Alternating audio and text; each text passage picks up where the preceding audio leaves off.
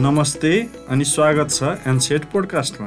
एनसेट नेपालको मेरो सुरक्षित गाउँ कार्यक्रम अन्तर्गत उत्पादन र प्रसारण भइरहेको यस पोडकास्टको आज बाइसौँ एपिसोडको साथमा उपस्थित भएको छु म अनुप। एनसेट पोडकास्टमा हामी विभिन्न प्राकृतिक प्रकोप र विपदको सेरोफेरोमा रहेर तपाईँ हामीले नै भोगेको देखेका र महसुस गरेका तिता मिठा अनुभवहरू सुनाउने गर्दछौँ। विगतका अङ्कहरूमा हामीले मुलुकभर महामारीको रूपमा रहेको कोरोना भाइरस सङ्क्रमणका कथा र नेपालका नगरपालिकाहरूमा सुरक्षित घर निर्माण र भवन संहिताको कुराहरू राख्दै आइरहेका छौँ। आज हामी फेरि एउटा कोरोना सम्बन्धी आत्मकथा लिएर आएका छौँ। कोरोना सङ्क्रमणको दर देशभर जब बढ्दो थियो त्यति बेला सरकारले लकडाउनको व्यवस्था गर्यो। तर लकडाउनको समयमा पनि आम मानिसहरूलाई सही सूचना दिनको लागि सञ्चारकर्मीहरू आफ्नो स्थानबाट निरन्तर खटिरहे। यसरी विभिन्न अस्पताल आइसोलेसन सेन्टर कोरोना बढी जोखिम क्षेत्र जस्ता ठाउँहरूमा पुगेर कोरोना सम्बन्धी ताजा खबरहरू हामीहरूलाई उपलब्ध गराइरहे। तर यसरी खटिरहँदा उनीहरू मध्ये पनि धेरैजना कोरोना संक्रमित भए। कयौँले ज्यान गुमाए कयौँ लामो समयपछि रिकभर भए। आज हामीले यस्तै एक सञ्चारकर्मी जो रेडियो कार्यक्रम र रेडियो समाचारका माध्यमबाट सूचना र सन्देश समुदायमा पुर्याउनुहुन्छ उहाँको कोरोना संक्रमण हुँदाको अनुभव लिएर आएका छौँ। उहाँ हुनुहुन्छ रेडियो सानो भेरी रुकुम मुसीकोटमा कार्यरत सक्रिय रेडियो कर्मी देव कुमार ओली आउनुहोस् सुनौ कोरोना सम्बन्धी उहाँको अनुभव उहाँको आफ्नै आवाजमा। म चाहिँ देव कुमार ओली। मेरो घर चाहिँ परिवर्तन गाउँपालिका चार रोल्पा। यति बेला चाहिँ म रुकुमको रेडियो सानोभेरीमा कार्यक्रम संयोजक रूपमा काम गरिरहेको छु। मलाई कोरोना चाहिँ दुई हजार सतहत्तर चैत्र उन्नाइस गते सङ्क्रमण भएको थियो। यो सङ्क्रमण कहाँबाट भयो भन्नुहुन्छ भने त्यति बेला म विभिन्न कोरोना सङ्क्रमण भएका व्यक्तिहरू कहाँ पुग्थेँ उनीहरूको आवाज लिनका लागि म कोरोना सङ्क्रमित हुनुभन्दा पहिला यो जिल्ला स्वास्थ्य कार्यालय रुकुम पश्चिममा चाहिँ आइसोलेसन थियो। त्यहाँ चाहिँ म एकजना व्यक्तिको चाहिँ आवाज लिन गएको थिएँ। त्यति बेला नै मलाई सङ्क्रमण भयो होला जस्तो लाग्छ। कोरोना सङ्क्रमित भइसकेपछि मलाई विभिन्न खालका लक्षणहरू देखा परे जस्तो सुरुमा चाहिँ मलाई टाउको दुख्ने चाहिँ समस्या भयो। शनिबार परेको थियो मैले नुहाएँ सुरुमा। नुहाएदेखि चिसो भयो कि भन्ने महसुस गरेँ। त्यति बेला मैले चाहिँ अलिकति ओखर खाएँ। पाँच सातवटा ओखर फुटालेर खाएँ। त्यसपछि अलि बढी भयो। मलाई चाहिँ पक्कै पनि चिसो भयो होला भनेर मैले तातो पानी खाएँ। अर्को दिनदेखि शरीर दुख्न थाल्यो। शरीर दुखेदेखि आँखा पनि दुख्न थाले। आँखाका गेडीहरू निक्लेलान् जस्तो गरी दुख्न थाल्यो। त्यति गर्दाखेरि पनि म ड्युटीमा आइराखेँ। कार्यक्रम बनाइराखेँ। कार्यक्रमहरू चलाइराखेँ। त्यति गर्दाखेरि मलाई चाहिँ कम्प्युटर हेर्नै नसक्ने गरी टाउको दुख्न थाल्यो। मलाई चाहिँ त्यति बेला शङ्का लागिसकेको थियो कि मलाई चाहिँ कोरोना सङ्क्रमण भयो भनेर। फेरि मेरा दुईवटा बच्चा एउटा नानी एउटा बाबु र मेरो मिसेज हामी सँगै बस्थ्यौँ। सँगै बस्दाखेरि चाहिँ मलाई कोरोना भयो भन्दाखेरि चाहिँ उनीहरूलाई पनि तरास होला मनोबल सानो होला भनेर मैले भनिनँ। मलाई चिसो भएको छ। भने अलिकति मैले चाहिँ मास्क लगाउने त्यस गरी तातो पानी खाइराख्ने बेसार पानी खाइराख्ने गरिराखेँ। त्यति बेला मेरो मिसेजलाई पनि शङ्का भइसकेछ। यसलाई चाहिँ पक्कै पनि कोरोना भयो भनेर उसले मलाई असाध्यै केयर गरी केयर गर्दाखेरि चाहिँ उसले मलाई छिनछिनमा तातो पानी खुवाउने त्यसरी बेसारे पानी खुवाउने गेडागुडी खुवाएको खाइ गर्ने त्यो गर्दा पनि मलाई चाहिँ सन्चो भएन। एक हप्ता जति भयो झन् झन् झन् झन् एकदम गाह्रो बनाउँदै लग्यो। त्यसपछि मलाई पहिला टाउको दुख्ने समस्या थियो शरीर दुख्थ्यो। त्यसपछि बल्ल मलाई एक हप्ता भइसकेपछि श्वास प्रश्वास सम्बन्धी समस्या आयो। आइसकेपछि जब चार पाँच बज्न थाल्थ्यो साँझ हुन्थ्यो मलाई असाध्यै गाह्रो हुन्थ्यो। गाह्रो यति गाह्रो हुन्थ्यो कि रात कसरी बित्ला के गरी बित्ला सकभर म मर्छु होला भन्ने हुन्थ्यो। मन त्यति बेला एकदम खिन्न हुन्थ्यो। मैले उसलाई केही पनि भन्दैन थिएँ उसले चाहिँ मेरो छटपट्टि देखेर चाहिँ अरू सङ्क्रमित भएका साथीहरूलाई फोन गरिदिरहेछ मेरो श्रीमानलाई यस्तो भएको छ के गर्ने होला कसो गर्ने होला भन्ने कुराहरू चाहिँ उसले सोधिदिरहेछ सन्चो भएका व्यक्तिहरूलाई सोच्दाखेरि उनीहरूले चाहिँ यस्तो गर्नुहोस् उस्तो गर्नुहोस् भनेर चाहिँ सल्लाह सुझाव दिँदा रहेछन्।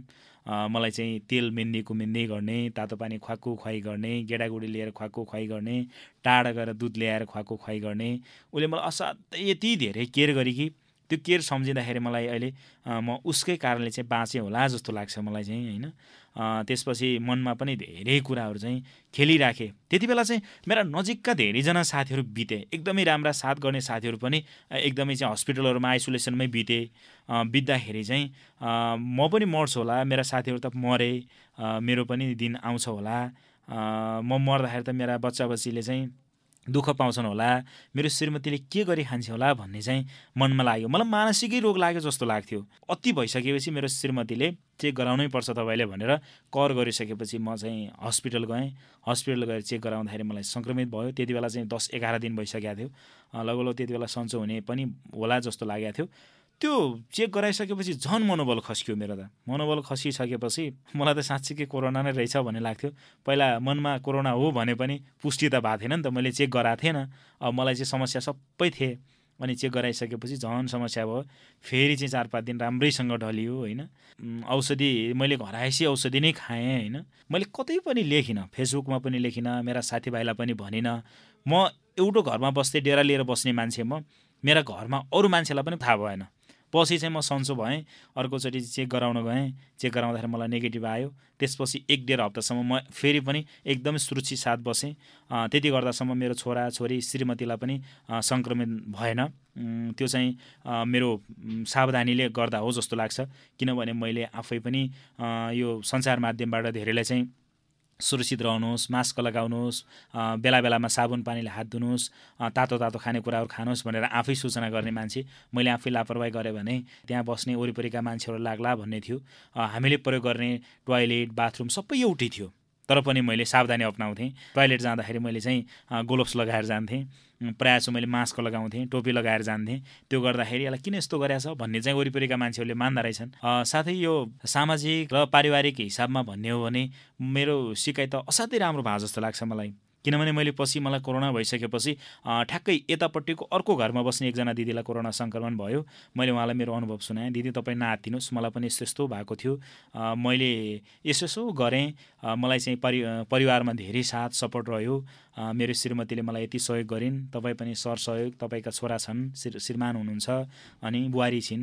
उनीहरूलाई यसो यसो गर्न भन्नुहोस् भने मैले उनका बुहारी श्रीमानलाई पनि सम्झाएँ। यसो यसो गर्न भन्नुहोस् भने अनि मेरो श्रीमती पनि त्यति बेलासम्म चाहिँ अरूलाई सिकाउने भइसकेका थिइन्। उनले सिकाइन् पनि धेरैलाई सङ्क्रमण भएन। त्यो दुईजनालाई चाहिँ सङ्क्रमण भएको थियो।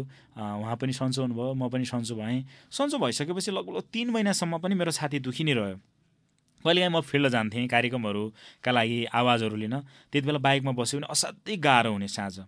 सास अड्डेला जस्तो हुने सास फेर्न गाह्रो हुने त्यस्तो महसुस मलाई बेला बेलामा भइरह्यो। अनि यो जति जोस जाँगर हुन्छ त्यो जोस जाँगर पनि नभएको जस्तो हुने आलस्य हुने निद्रा लागे जस्तो हुने छटपटी हुने राति कहिलेकाहीँ चाहिँ निद्राबाट बिउजिने त्यस्तो समस्या पछिसम्म रह्यो। अहिले पनि कहिलेकाहीँ चाहिँ त्यस्तो महसुस हुन्छ। जुन जाँगर मेरो पहिला थियो त्यति नभएको हो कि जस्तो लाग्छ। म सोध्छु कहिलेकाहीँ यसो यसो समस्या छ नि मलाई भन्नुहुन्छ। त्यो सामान्य हो तपाईँको मनोबल त्यस्तो भएर हो भन्नुहुन्छ। डक्टर साहबहरूले कहिलेकाहीँ चाहिँ त्यस्तो मनोविमर्शकर्ताहरूसँग पनि म कुराकानी गर्छु। मेरो एउटा आग्रह तपाईँहरूलाई के छ भन्दाखेरि जति पनि कोरोना सङ्क्रमित हुनुभएको छ आफ्नै लापरवाहीले हो जस्तो लाग्छ मलाई चाहिँ। हामीलाई कोरोना सङ्क्रमण भइसक्यो भने धेरै कुराहरू चाहिँ सावधान अप्नाउनुपर्छ। टोयलेट आफूले प्रयोग गर्ने भाँडाकुँडा खानपिन लगायतका कुराहरूमा चाहिँ हामीले ध्यान दियौँ भने कोरोना सजिलै जित्न सकिन्छ जस्तो लाग्छ। मृत्युको मुखमा पुगेका मान्छेहरू पनि फर्केर अहिले राम्रोसँग काम गरिरहनु भएको छ। मैले पनि अहिले त्यसरी काम गरिराखेको छु। मेरो कुरा यति नै होस्। आजको पोडकास्टमा हामीले एकजना रेडियोकर्मी जो कामको सिलसिलामा रिपोर्टिङको लागि फिल्ड जाँदा कोरोना सङ्क्रमित भएर अनेकन दुःख पाएको अनुभव सुन्यौँ। हामीले प्राय सुन्ने गर्दछौँ कि कोरोनाको लक्षण देखिए तापनि जाँच नगराई घरमा नै उपचार गरिरहेका भन्दा जाँच गराएर सङ्क्रमण भएको पुष्टि भइसकेपछि मनोबल खस्कने आत्तिने मनोसामाजिक चिन्ता बढ्ने अनि रोगले झन गाल्ने गरेको। तर यसो भन्दैमा कोरोना लागेको शङ्का लागि लागि पनि जाँच नगराई घरमा नै बस्नु झन ज्यानको लागि जोखिम र खतरा बढ्न सक्छ। त्यसैले जाँच त गराउन पर्छ नै। जाँच गराइसकेपछि डाक्टरको सल्लाह बमोजिम औषधि उपचार खानपानको मद्दतले छिटो सङ्क्रमण मुक्त हुन सजिलो हुन्छ। तपाईँ यति बेला सुनिरहनु भएको छ मेरो सुरक्षित गाउँ कार्यक्रम अन्तर्गत उत्पादित एनसेट नेपालको प्रस्तुति एनसेट पोडकास्ट तपाईँसँग पनि यदि कुनै विपद भोगेको देखेको या महसुस गरेको अनुभवहरू छन् र ती कुरा पोडकास्ट मार्फत बाँड्न चाहनुहुन्छ भने हामीलाई सम्झनुहोस्। त्यसको लागि हाम्रो इमेल आइडी हो NSET podcast at the rate NSET dot ORG dot NP यिनै जानकारीहरूको साथमा आजको लागि पोडकास्टको समय सकिएको छ। आउँदा पोडकास्टहरूमा हामी यस्तै विभिन्न सामग्री लिएर आउनेछौँ। भूकम्प लगायत लगायत अन्य विपदबारे थप जानकारीको लागि एनसेट नेपालको वेबसाइट हेर्नुहोला। साथै एनसेट नेपालको फेसबुक पेज युट्युब च्यानल र ट्विटरलाई पनि फलो गर्नुहोला। हस् त यिनै जानकारीहरूको साथमा एनसेट पोडकास्टको आजको एपिसोडबाट म अनुप पनि बिदा हुन्छु। नमस्ते शुभ समय।